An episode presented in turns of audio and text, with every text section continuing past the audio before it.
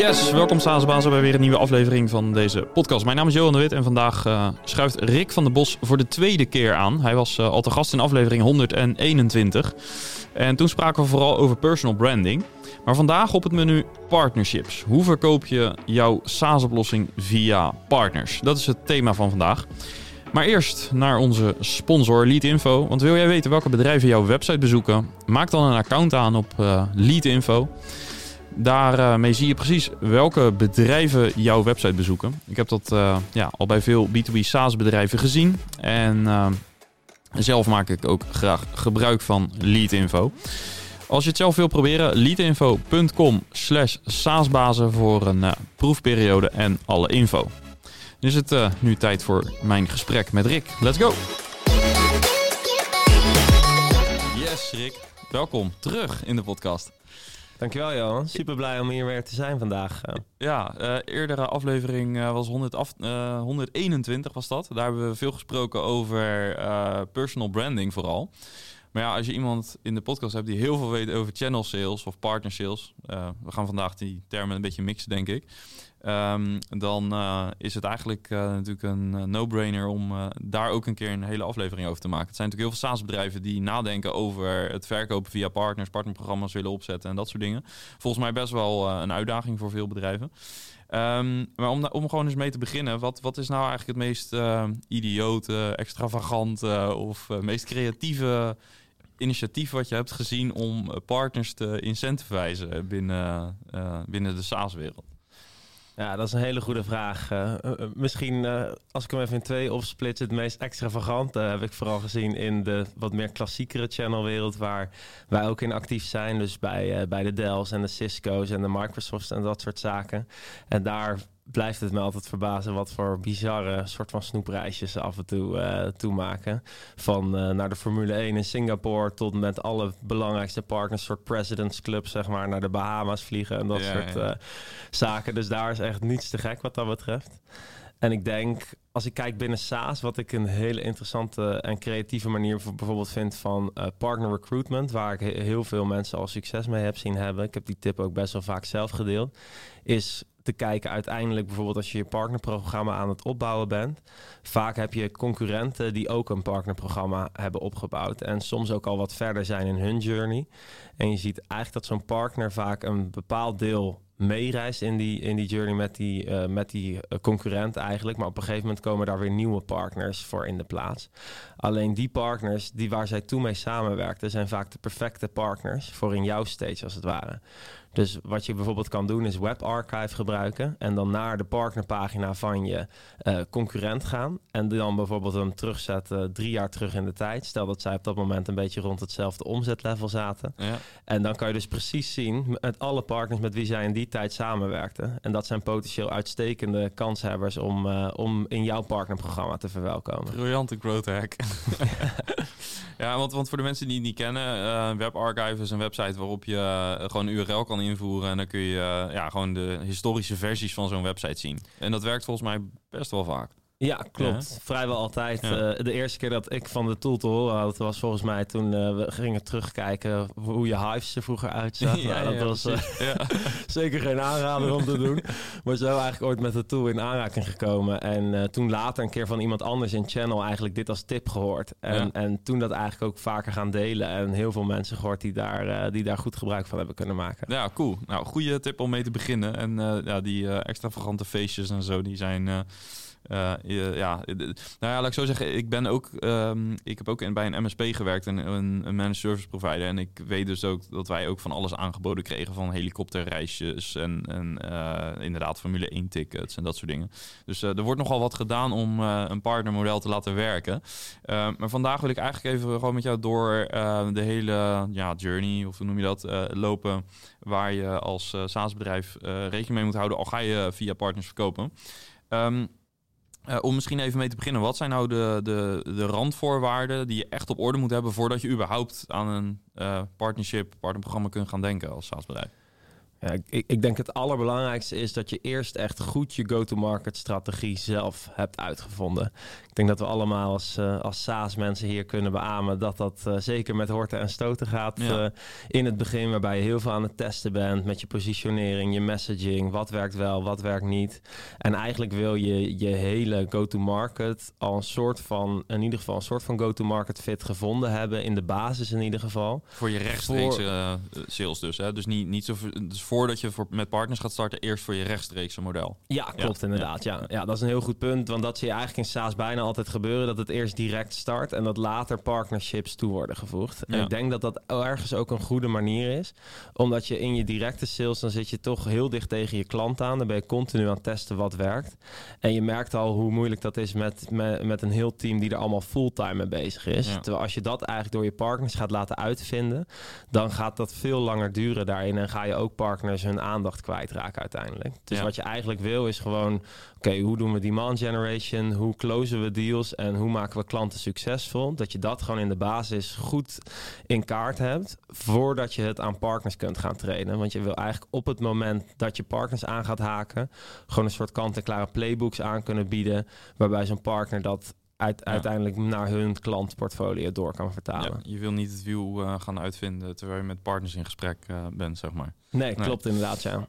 Um, dus dan heb je het eigenlijk over partnerstrategie. Uh, in SaaS krijg ik allerlei verschillende soorten partnerships te zien. Hè, van referral tot integratiepartner, noem maar op. wat, wat zijn een beetje de belangrijkste partnermodellen waar jullie onderscheid in maken?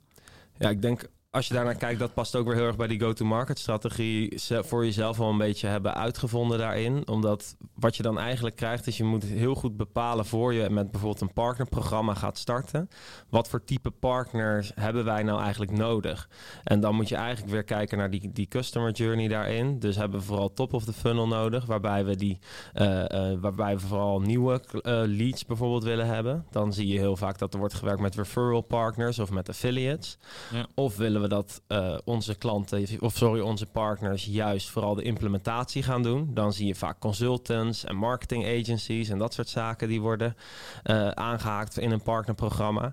Of willen we dat de partner alles oont en dan kom je vaak in een channel partnership terecht. Dus dat zijn vaak referrals, dat, uh, sorry, dat zijn resellers, dat zijn managed service providers en dat soort, dat soort type partners die eigenlijk de hele klantreis ownen van het binnenhalen van het aantrekken van klanten tot het closen van klanten en uiteindelijk ook het succesvol maken van klanten en het renewen.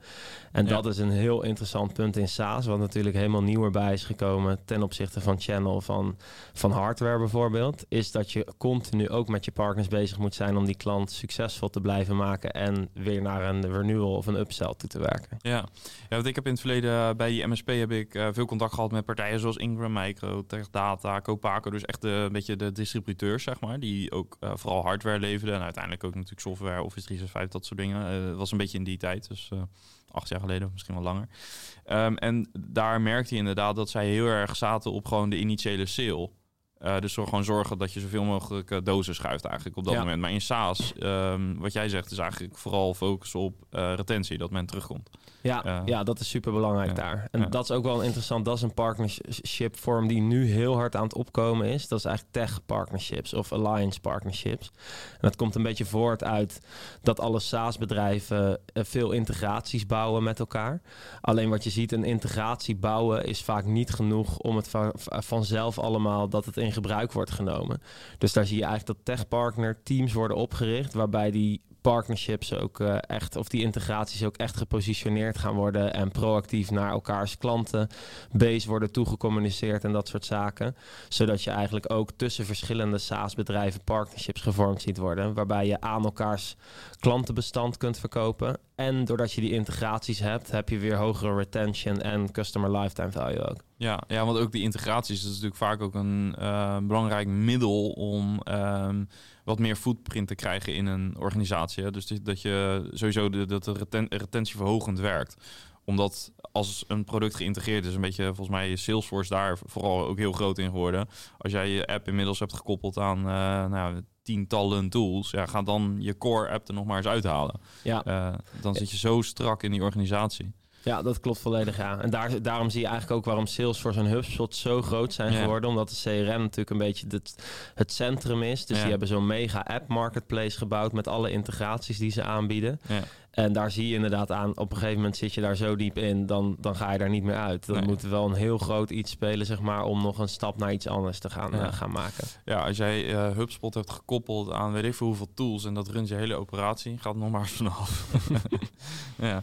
Oké, ja, dan zitten we eigenlijk misschien een beetje aan het eind al van de hele journey, retentie en, en dat soort zaken. Ehm, als het gaat om recruitment, wat zijn daar de, de best practices um, en misschien ook wel de valkuilen die je ziet? Ja, ik denk misschien goed inderdaad om, om te starten met de valkuil. Inderdaad, wat je veel ziet, is dat een van de, de metrics die veel wordt gebruikt om, om het succes van partnerprogramma's te bekijken, is eigenlijk het aantal nieuw gerecruite partners, als het ware. En daar zie je tegelijkertijd ook een enorme valkuil. Want wat je ziet is dat soms eh, bedrijven eigenlijk te snel hun partnerprogramma gaan opschalen. Terwijl ze eigenlijk zaken later in de partner journey nog niet goed op orde hebben, zeg maar.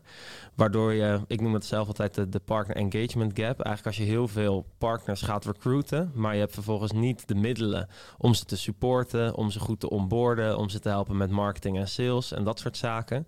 Dan zie je eigenlijk dat zo'n partner uiteindelijk weer de attentie verliest ook uh, voor je partnerprogramma. En dat, dat is ook een, een harde metric. Uh, die heb ik van Jay McBain. Dat is een van de hele interessante mannen om te volgen trouwens voor binnen partnerships. Maar in het gemiddelde partnerprogramma is meer dan 80% van de partners inactief.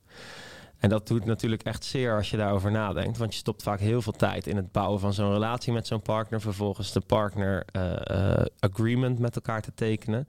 Maar daar begint het spel eigenlijk pas. En dat zie je vaak als dat stuk nog niet goed op orde is. Dan, dan ben je eigenlijk al aan het opschalen van iets wat nog niet werkt. Ja. Waardoor je heel veel resources eigenlijk uh, aan het verspillen bent daarmee eigenlijk zie je een soort van parallel natuurlijk met je rechtstreekse model. Want uh, ook als je dat nog niet op orde hebt, als je daar nog geen goede retentie hebt, dan is het ook uh, een beter idee om daar misschien eerst eens naar te kijken voordat je heel veel gaat investeren in uh, gewoon customer acquisition bijvoorbeeld. Dus ja. eigenlijk is dat model min of meer hetzelfde. Ja, klopt helemaal. En dat is eigenlijk best wel grappig als je partner journey en customer journey uiteindelijk naast elkaar gaat leggen, zitten er zoveel gelijkenissen in. En dat is eigenlijk continu in al die fases daarover na te denken, zeg maar. Dat helpt heel erg om ook je hele partnerprogramma zo goed mogelijk te, te maken. Ja, uh, dat is een valkuil. Wat zijn uh, de best practices?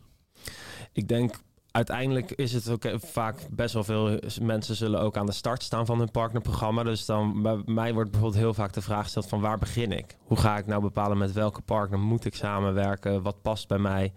Je hoort heel vaak het woord ideal partner profile, net als ideal customer profile. Ja, ook gekopieerd. Die, ja, die wil je uiteindelijk gaan, uh, gaan opstellen, uiteraard. Want dat gaat je heel erg helpen om daarin door te, te groeien. Maar in het begin als je nog geen partners hebt, wat is dan je ideal partner profile?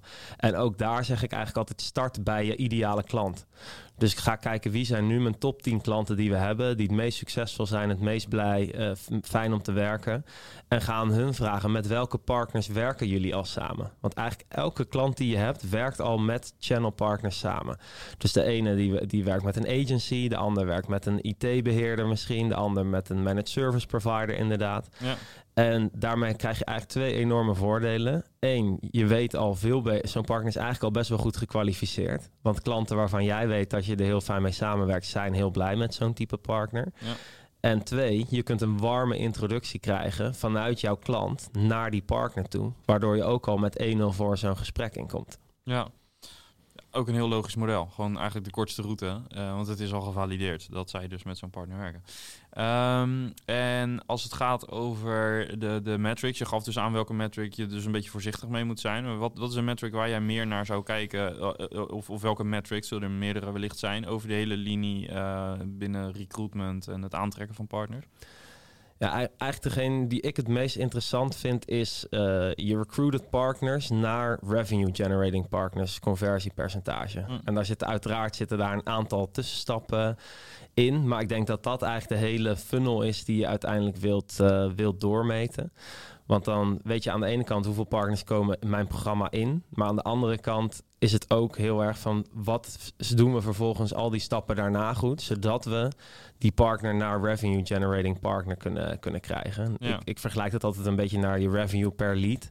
De terug te rekenen van hoeveel partners komen erin en hoeveel revenue komt er uiteindelijk uit, uh, als het ware. Ja.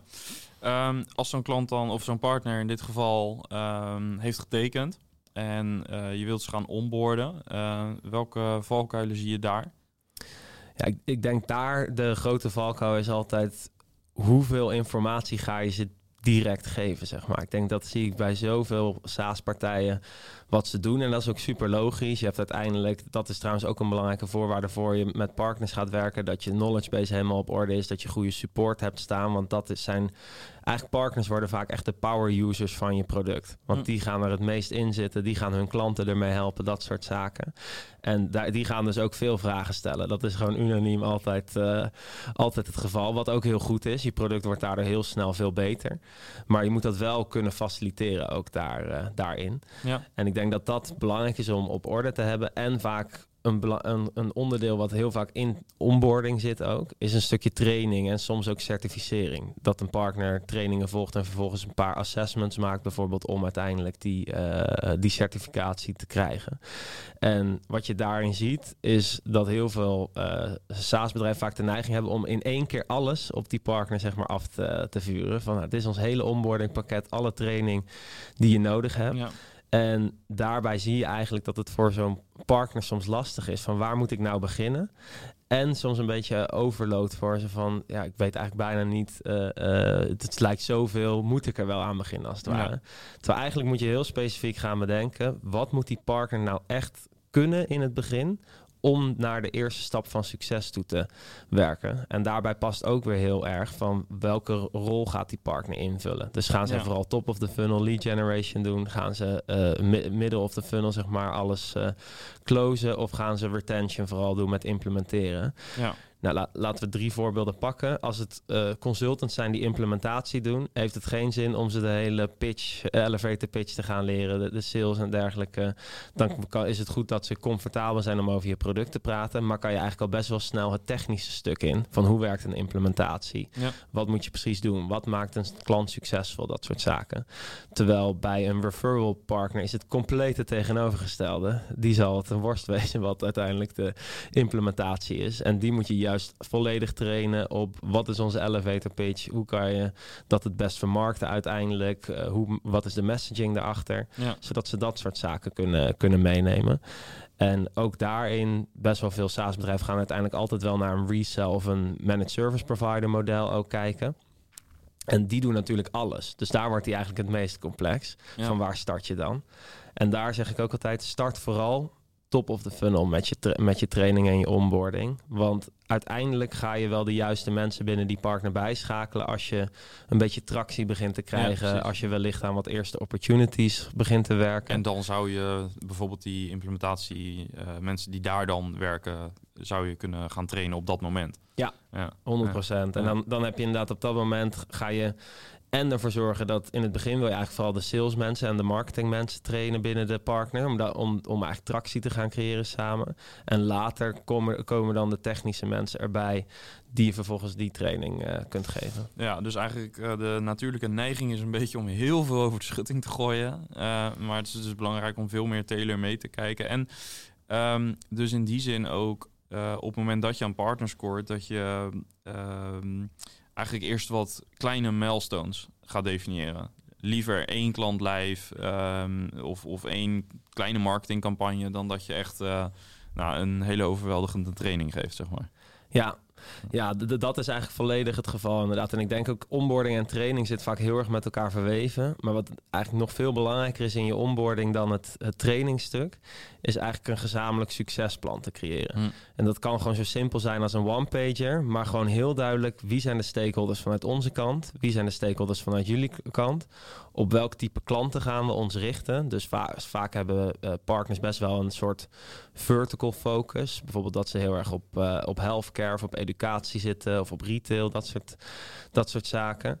Dus dat je dat goed met elkaar hebt afgekaderd. En daarna een van de belangrijkste dingen die ik altijd vind om in het begin te doen, is een stukje account mapping. Dus met elkaar, al schrijf je maar vijf uh, bedrijfsnamen aan beide kanten op van wie zijn potentiële low-hanging fruit, waar we elkaar zouden kunnen introduceren om naar die eerste gezamenlijke klant toe te werken. Want ik denk eigenlijk als je onboarding helemaal plat slaat, als je in een, in een revenue omgeving zit, draait het om naar die eerste revenue te gaan.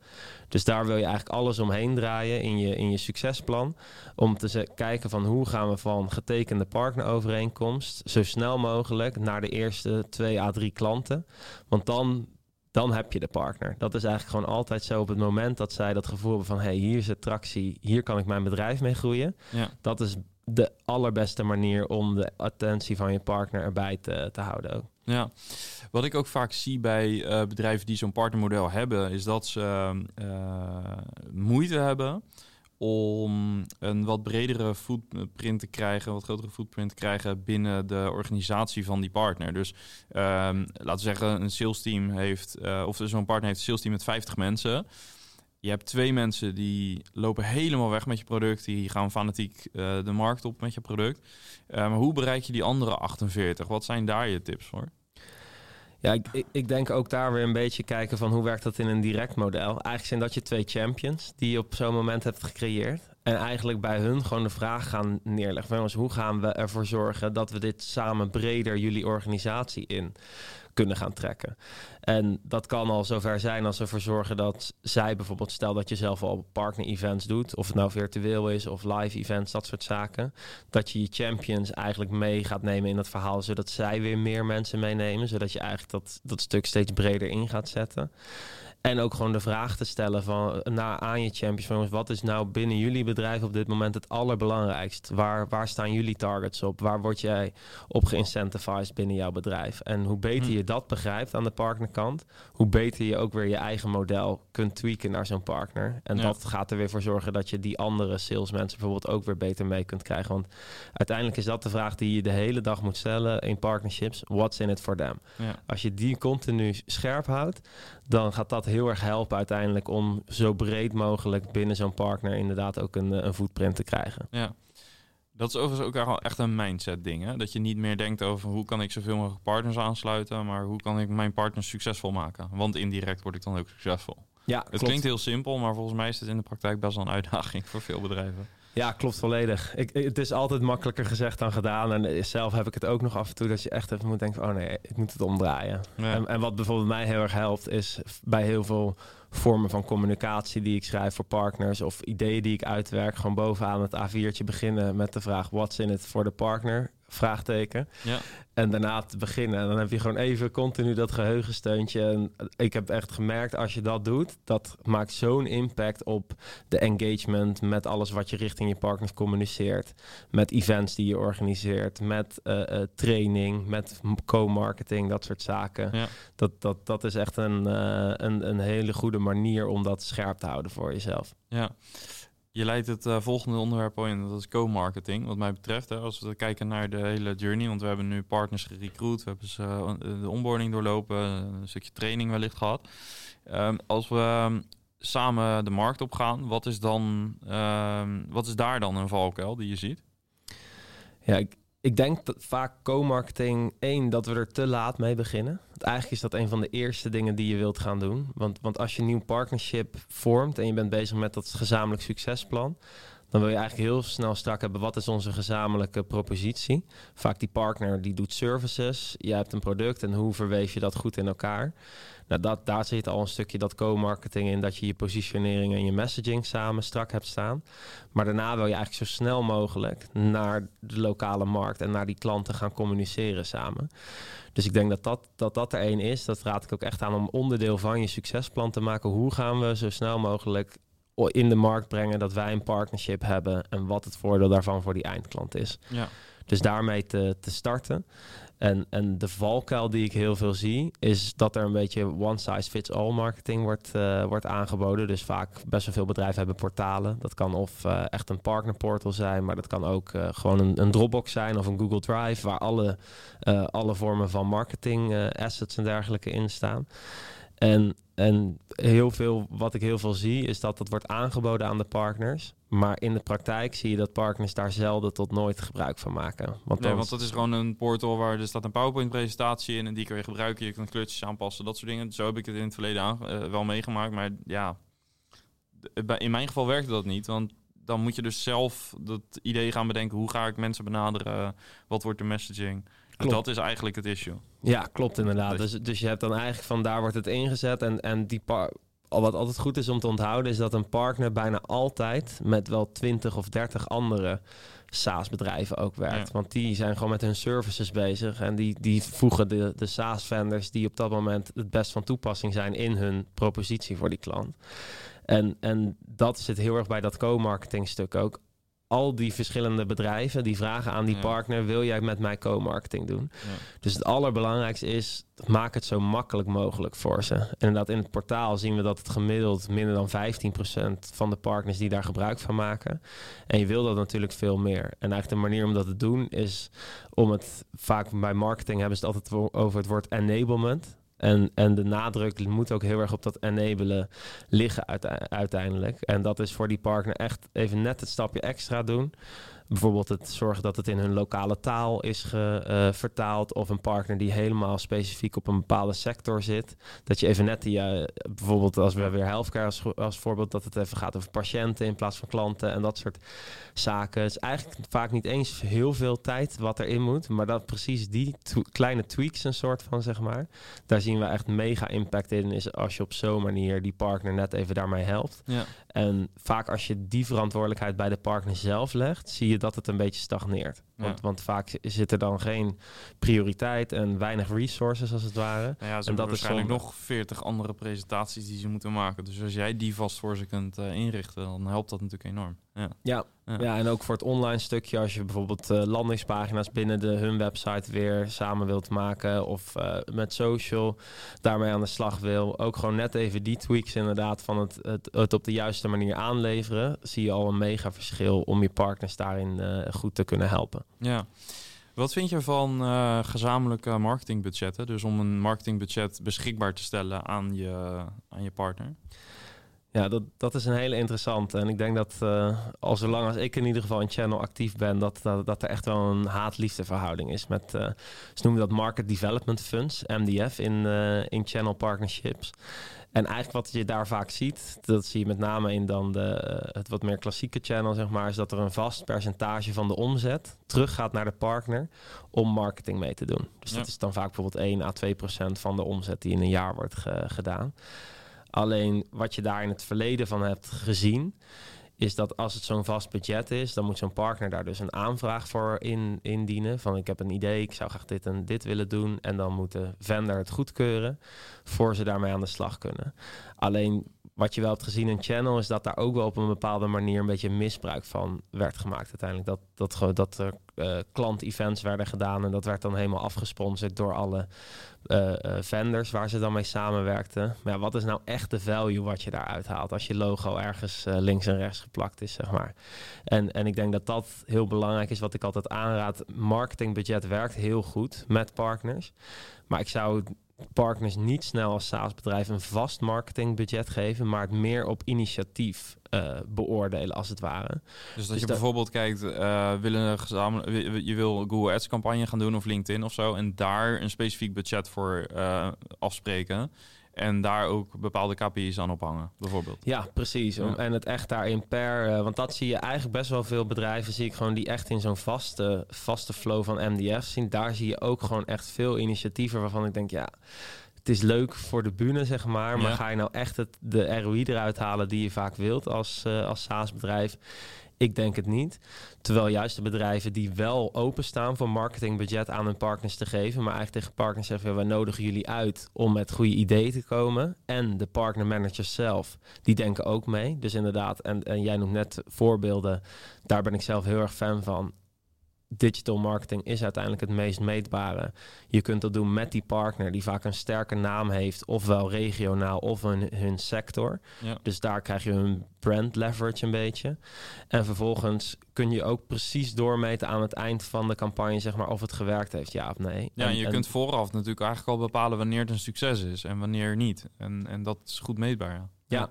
Ja, 100%. En dan kan je gewoon ook concrete doelen met elkaar van wat willen we dan, hoeveel opportunities willen we hier ongeveer uithalen, hoeveel daarvan willen we ongeveer dat er gaan, gaan closen. En eigenlijk op zo'n manier zie ik marketingbudget voor partners wel e-, echt heel goed werken. Ja. Um, en als we marketing achter de rug hebben en kijken naar het uh, selling gedeelte. Um, nou ja, een van de, de vragen die ik regelmatig krijg is uh, hoe incentivize je? Dus, uh, en dat heeft niet alleen met cellen te maken natuurlijk, maar uh, een vraag die er heel dicht op zit. Hoe motiveer ik het sales team van mijn partner? En vaak zit daar natuurlijk een bonusstructuur aan vast, voor in, in ieder geval voor die salesmensen. Um, wat zijn daar je tips?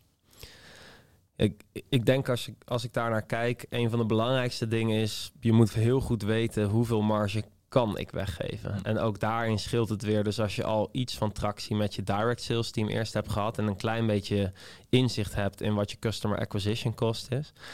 Eigenlijk is dat een beetje je speelveld waarbinnen je kunt gaan spelen. Want als jij, laten we even dan bij het voorbeeld nu van een, van een reseller of een managed service provider blijven. Als die zowel het uh, uh, genereren van de lead gaan doen als het closen van de deal, volledig op zichzelf, wellicht met wat hulp dan kan je dus een aanzienlijk deel van je customer acquisition cost potentieel aan zo'n partner daarin uh, meegeven. Nou, dan moet je rekening houden dat je uiteraard ook je partnerprogramma hebt en partners budgetten krijgen en, en jouw account managers of partner succesmanagers noem ik het zelf altijd graag die daarmee dat, bezig moet je daar eigenlijk weer afhalen. Dus je hebt eigenlijk al je kosten voor je partner om je hele channel te kunnen draaien. Uh, en daar haal je je kosten vanaf van je customer acquisition kosten. En dan zou je een beetje een inschatting kunnen maken wat je zou mogen uitgeven. Of wat je zou mogen weggeven aan een partner. Ja, klopt inderdaad. Ja. En, en daarin zie je. En daarin is het dus eigenlijk daar, je wilt nooit daarboven gaan. Ik denk dat dat heel belangrijk is, want dan komt je model uiteindelijk niet meer uit. En daarbinnen kun je eigenlijk gewoon, als je dat eenmaal scherp hebt, van inderdaad, wat zijn normaal mijn customer acquisition cost, hoeveel gemiddeld uh, ga ik besteden aan mijn partners komend, uh, komend jaar, dat wil je daarvan afhalen eigenlijk, dan tussen uh, 0 naar 0 procent zou ik nooit aanraden. Maar 0 en dat percentage, zeg maar, is dan eigenlijk het speelveld wat je, wat je hebt daarin. En vervolgens kun je daar binnen eigenlijk gaan kijken, oké, hoe agressief wil ik de markt gaan benaderen? Als je heel agressief wil benaderen, ga je hem gewoon op de max zetten van waarin je net binnen je customer acquisition cost blijft. Dat is niet per se nodig. Bijvoorbeeld binnen referral partnerships en dat soort zaken zie ik eigenlijk heel vaak gewoon rond de 10% wat wordt, wordt gegeven. En ik denk daarbinnen wil je ook kijken, uiteindelijk gaat zo'n uh, uh, partner eenmalig iemand binnenbrengen, waarna jij heel customer succes en dat soort dingen gaat doen. Dan zou ik altijd een eindtijd erop zetten, niet voor onbepaalde tijd die, uh, die, die marge weggeven.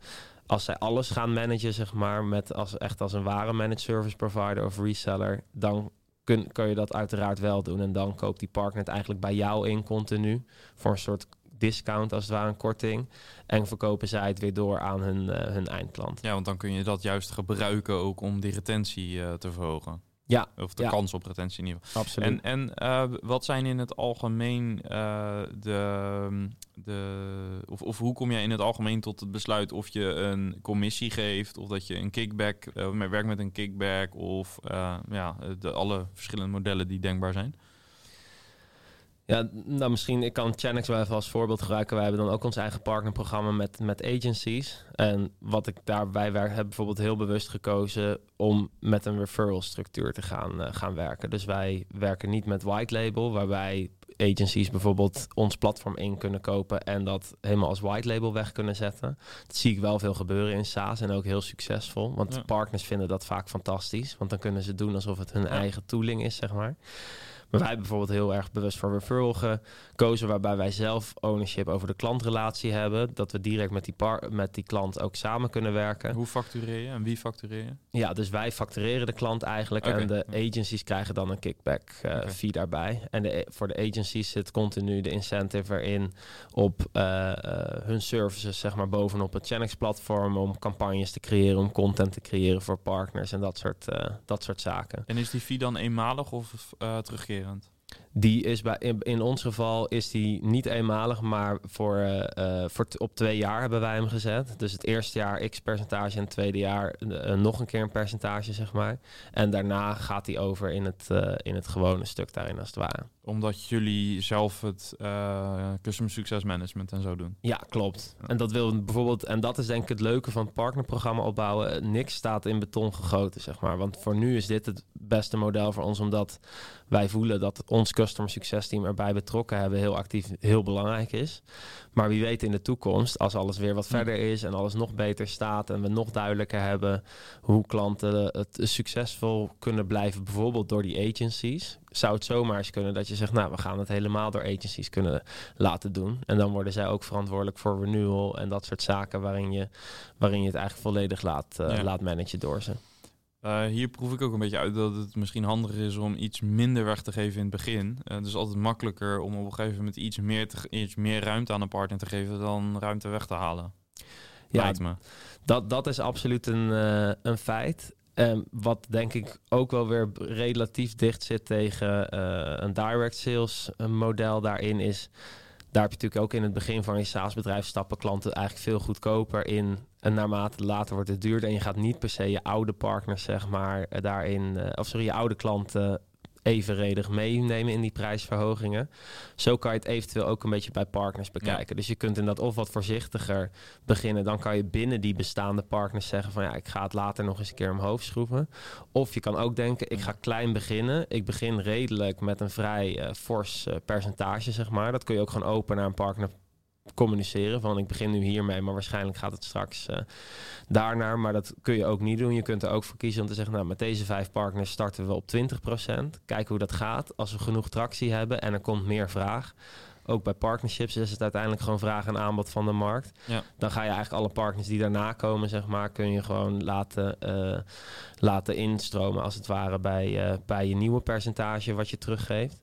En dan later, als je partnerprogramma wat verder komt, noemen ze dat eigenlijk altijd partner tiering. En dan ga je je partners eigenlijk in levels verdelen. Ja. En hoe meer omzet een partner doet, hoe hogere marges ze dan krijgen. En daarmee geef je ze eigenlijk weer een incentive om continu elk jaar wel weer de omzet te, te laten groeien. Ja, alright. Um, retentie was eigenlijk het uh, laatste deel van de funnel. Dus hoe zorg ik ervoor dat mijn partners ook hun klant... Ja, eigenlijk hebben we een paar dingen genoemd. Hè? Dus zorgen dat ze ook uh, dat zij herhaaldelijk waarde eruit kunnen halen. Heb je nog andere of misschien wel valkuilen die gemaakt worden op het gebied van retentie? Ja, ik denk een van de belangrijkste dingen bij retentie is dat je heel goed inzichtelijk hebt hoe lang de contracten van de klanten van jouw partner ook lopen, zeg maar, daarin. En ik denk dat zijn een van de belangrijkste dingen. Die zit best wel een beetje tussen co-selling en retentie in ook. Is een van de dingen die je echt wilt gaan doen, relatief snel, is goede en strakke deal, lead- en deal-registratie met partners eigenlijk twee voornaamste redenen. De eerste is dat je veel meer inzicht gaat krijgen in je, in je funnel eigenlijk. Want anders krijg je eigenlijk pas te horen dat er een klant is als de klant getekend heeft, als het ware. Dus wordt vaak ingezet als middel dat een partner bijvoorbeeld al minimaal een maand van tevoren uh, uh, zo'n leadregistratie moet hebben gedaan. En dan krijgen ze een speciale prijs aangeboden als ze eenmaal, als ze eenmaal verkopen, als het ware. Dus dat gaat je meer inzicht geven in wat, wat zit er aan te komen eigenlijk via mijn, uh, via mijn partners. En de tweede die heel belangrijk is, is dat je daarmee ook heel goed, dat noemen we vaak channel conflict, kunt oplossen.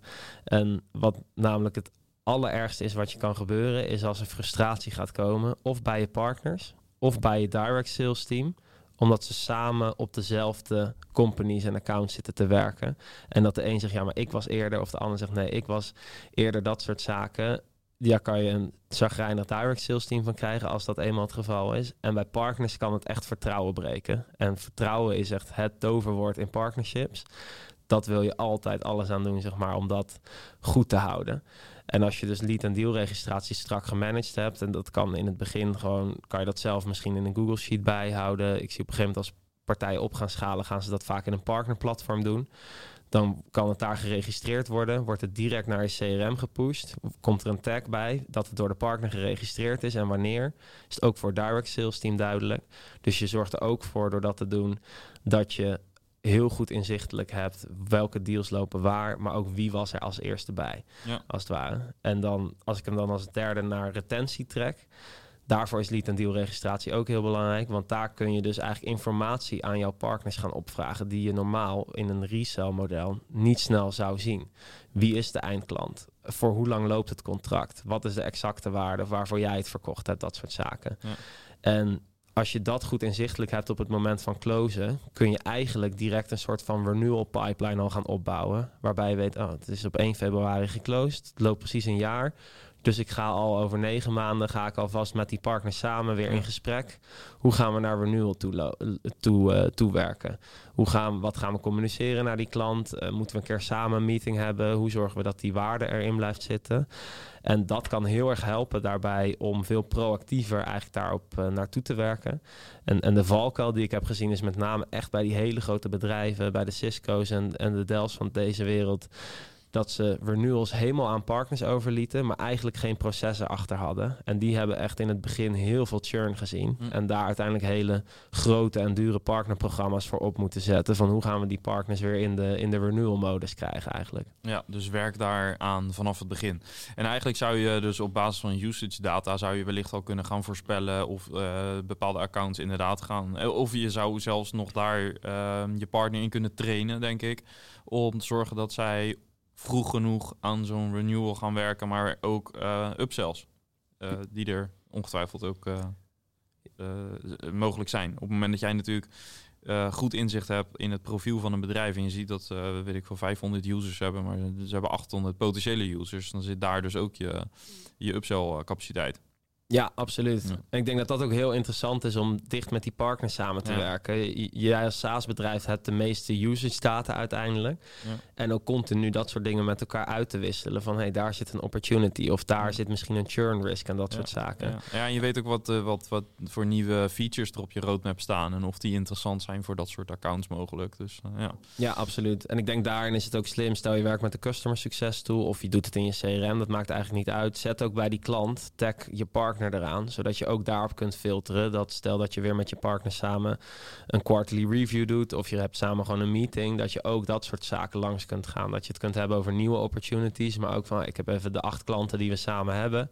Keer op een rijtje. Ik denk dat deze twee moeten we even naar kijken als churn risk, maar deze twee zijn uh, expansie. Wat is jouw gevoel daarbij en wat kunnen we doen om, om, die, om dat weer voorwaarts te gaan brengen? Ja.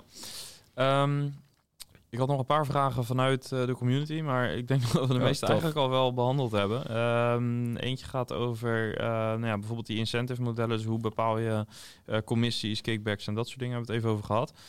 Um, ik scrollde even doorheen, hier hebben we het ook over gehad. Um, ja, dit gaat over onboarding, hebben we besproken. Market Development Funds. Ja, dus eigenlijk hebben we heel veel gehad. Eh, KPI's en metrics hebben we een paar keer een beetje aangeraakt. Uh, deze is misschien nog wel aardig. Uh, wat doet een... dus, dus wat is de... Wat zijn... Wat zijn... Wat is... wat zie jij als belangrijkste eigenschappen van een partner manager als ik die wil gaan aanstellen?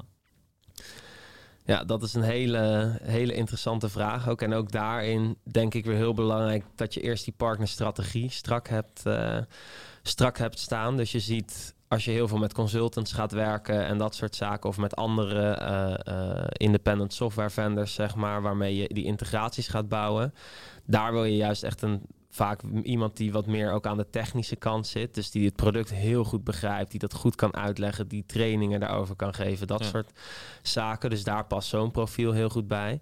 Vaak bij de resellers en de, en de managed service providers zie je dat je vaak wel echt een beetje een sales profiel hebt. Dus dat noemen ze vaak de, de channel account managers. Daar, daarin zeg maar, die gewoon continu die relaties blijven bouwen, maar die ook mee kunnen in klantgesprekken, zeg maar, en op deals werken met partners samen. Ja. Dus die, die, die zie je daarbij. En vervolgens eigenlijk wat je, als je wat aan het opschalen bent, wat ik altijd aanraad, is om de rollen op te gaan splitsen. Net als in, in, je, in je direct sales model.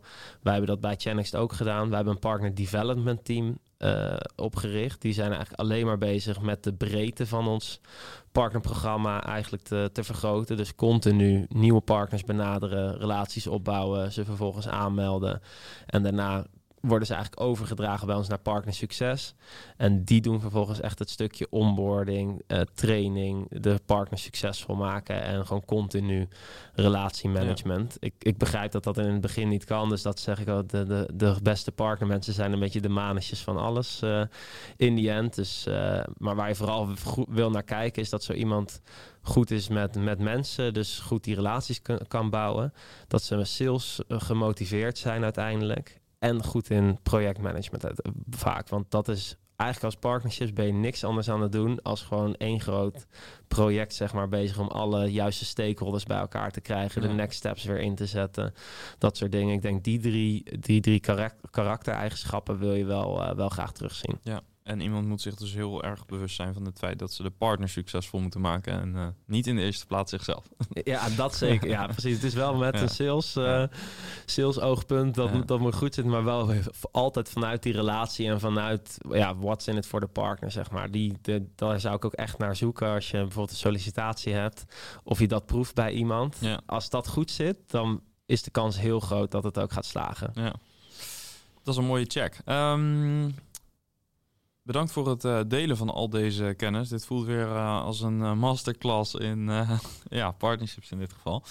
Um, als mensen in de auto zitten en ze hebben nog een half uurtje voor de boeg, dan zouden ze nog een aflevering kunnen luisteren. En dan moeten ze eigenlijk naar jouw podcast nu.